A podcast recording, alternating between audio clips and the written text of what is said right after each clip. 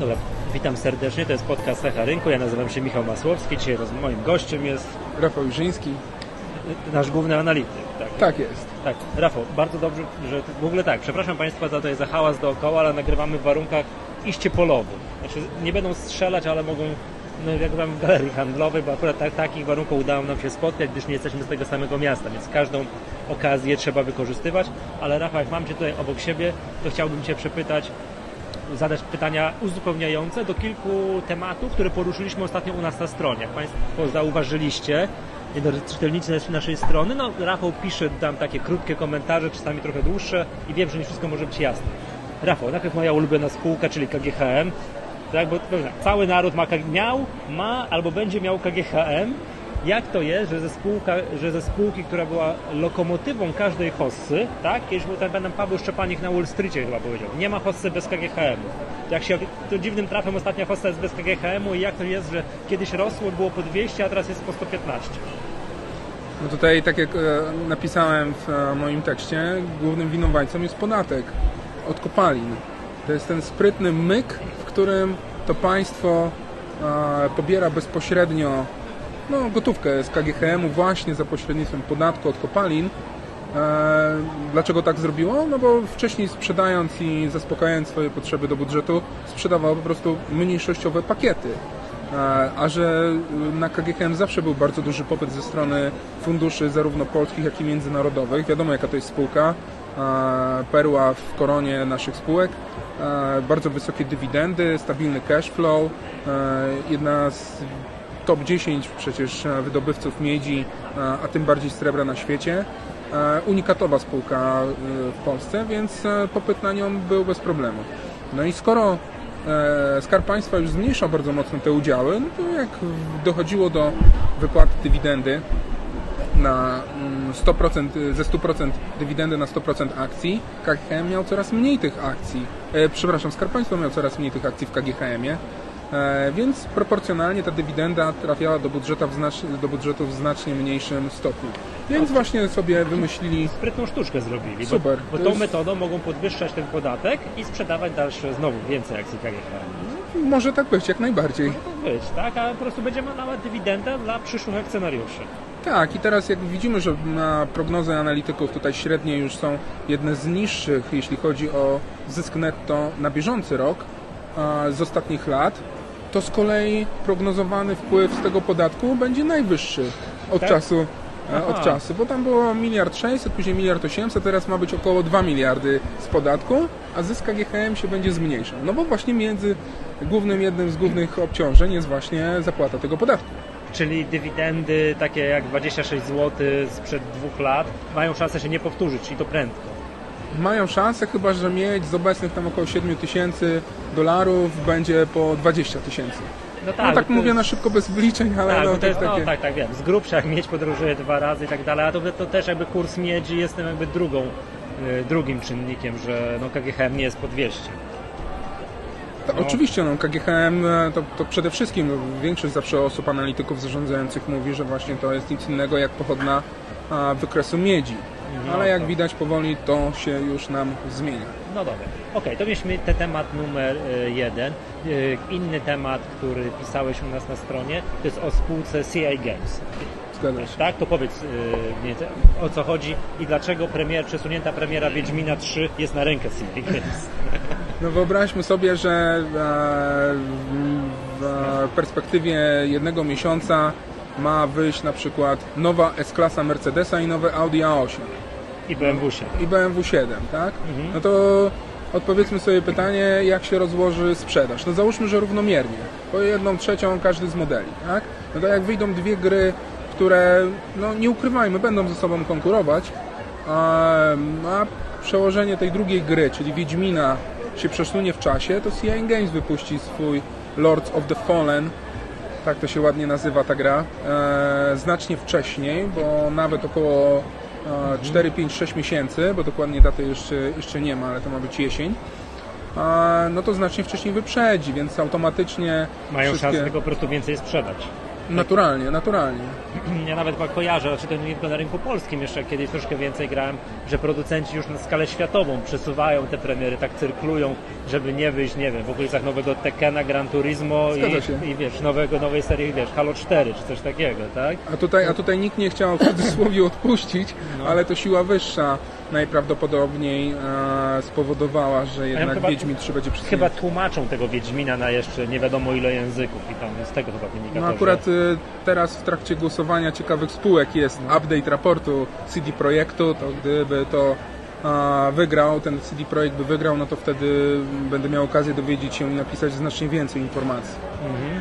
Tak, to przypomniałem, że ciekawa spółka to jest taki cykl raportu, które tutaj piszemy dla Was, jest na stronie C i tam przypomnijmy, że dla członków C jest za darmo. To jest taki troszkę bardziej obszerny raport w stosunku do tego, co pojawia się no, w miarę w miarę codziennie na stronie. Dobrze.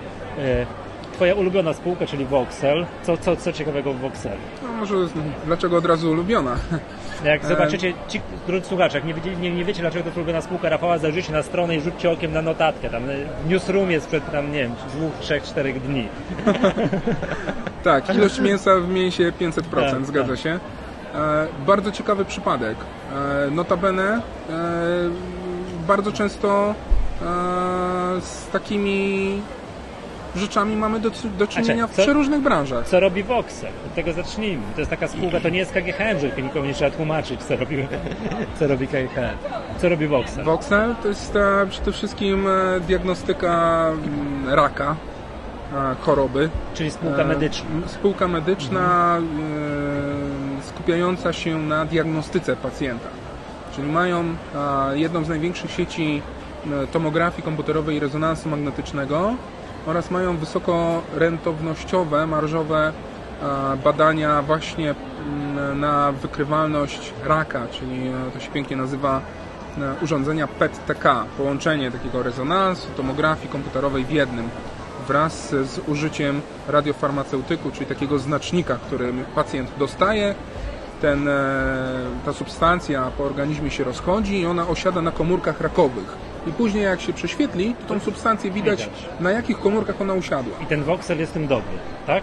On przede wszystkim robi dwa w jednym, bo produkuje zarówno radiofarmaceutyk oraz posiada te urządzenia, na których to jest, e, te badania są wykonywane. Także tutaj mamy połączenie dwóch, dwóch marsz. E, Czemu warto się zainteresować tym Voxelem?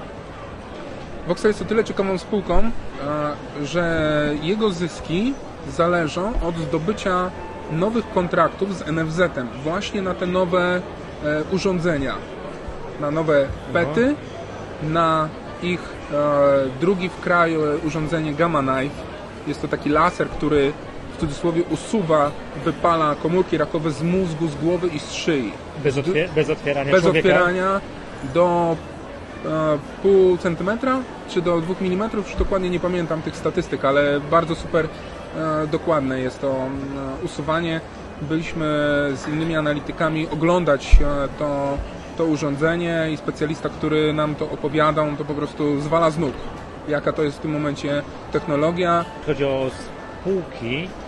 m, Bardzo ostrożnie podchodzę zawsze do interesowania się spółkami takimi, od których biznes zależy od tego, jak uda się jakiś kontrakt z państwem. Wiesz o co chodzi? Wolę spółki takie, które z państwem mają tyle wspólnego, że płacą im wysokie podatki, by dużo zysku osiągnąć, duże zyski osiągają. I to jest wszystko. No ale więc tak Aż tak, mocno, aż tak mocno uzależnienia od NFZ-u bym, bym e, tutaj nie uruchamiał, bo jeśli dobrze pamiętam, wszystkie umowy z NFZ-em Voxela to 33 miliony, a przychodów jest e, ponad 100. Także to, to nie jest, to nie Czyli ma aż takiego czyli to- dramatu. Czyli jakby tego kontrahenta nie było, to spółka by przeżyła. No, Znaczy nie, no wiadomo, że Dywagowałbym. 30% przychodów, tak, ale...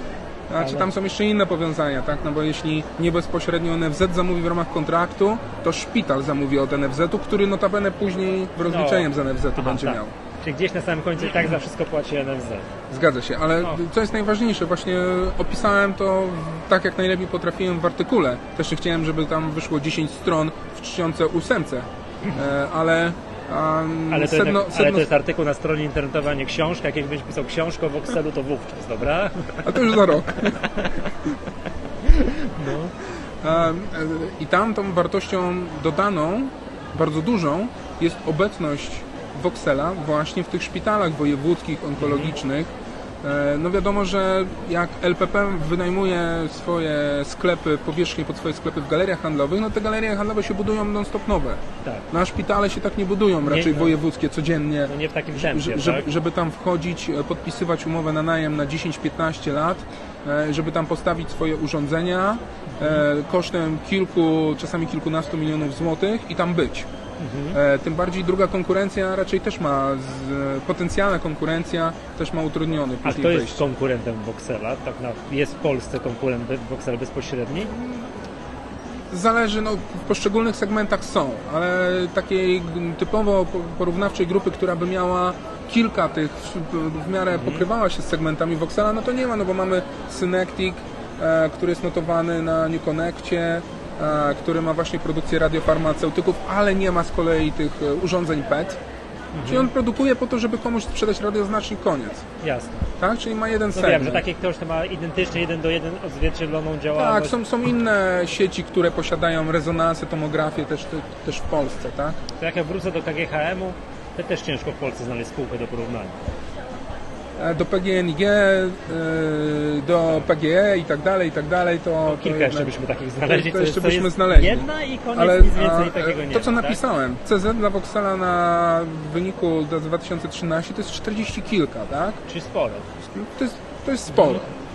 No. Żeby już nie używać słów tanio, drogo i tak dalej, bo KNF tutaj czeka i Tak, dlatego tak, wiadomo, teraz disclaimer i tak dalej, że my Disclaimer. nie zachęcamy każdy i tak dalej. Do tego artykułu odsyłamy. Tak. odsyłamy, ale ja jedno zawsze powtórzę to, co zawsze powtarzam i wszystkim mówię, że stowarzyszenie nie ma możliwości, prawa i tak dalej wydawać rekomendacji. Więc Doradzać. naszym doradzać, więc my możemy tylko poddawać materiał do analizy, który powinien być e, w no, trakcie my, procesu decyzyjnego. Chcemy Was zainteresować tematem.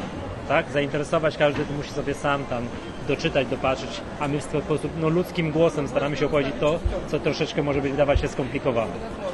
Dobra, Rafał, powiedz mi jeszcze, bo Ty jesteś w ogóle specjalistą od branży medycznej, bo jeszcze e, Cormay jest Twoim jakby w kręgu zainteresowań. Co nowego w Cormay? Robiliśmy- Czemu, czemu tą spółką też warto się zainteresować? Robiliśmy raport analityczny o Cormeju chyba około roku, a później też zrobiliśmy update, bo bardzo dużo naszych członków, sympatyków stowarzyszenia jednak żyje nowościami i wydarzeniami w tej spółce, e, więc automatycznie ja tym żyję, żeby Wam tutaj dostarczać, a tam naprawdę się sporo dzieje.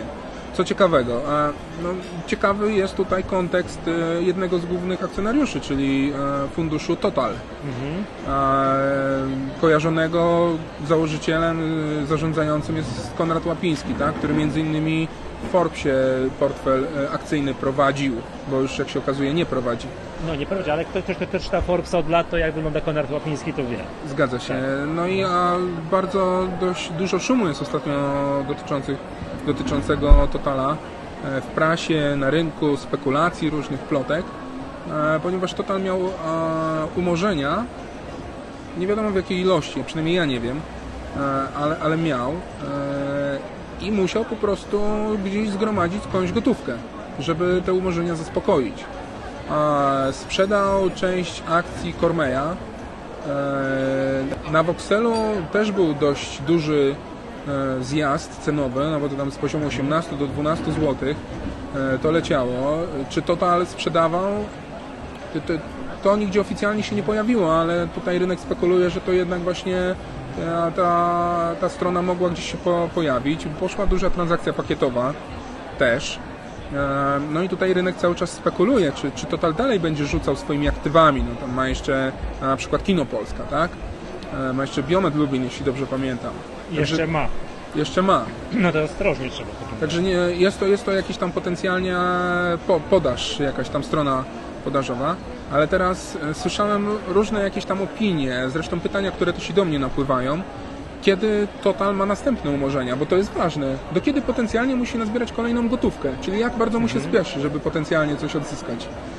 Ale wiesz co, idąc tym tokiem myślenia, musielibyśmy prześledzić wszystkie fundusze, które muszą w określonych, wiesz, terminach się, umarzać ale- jednostki.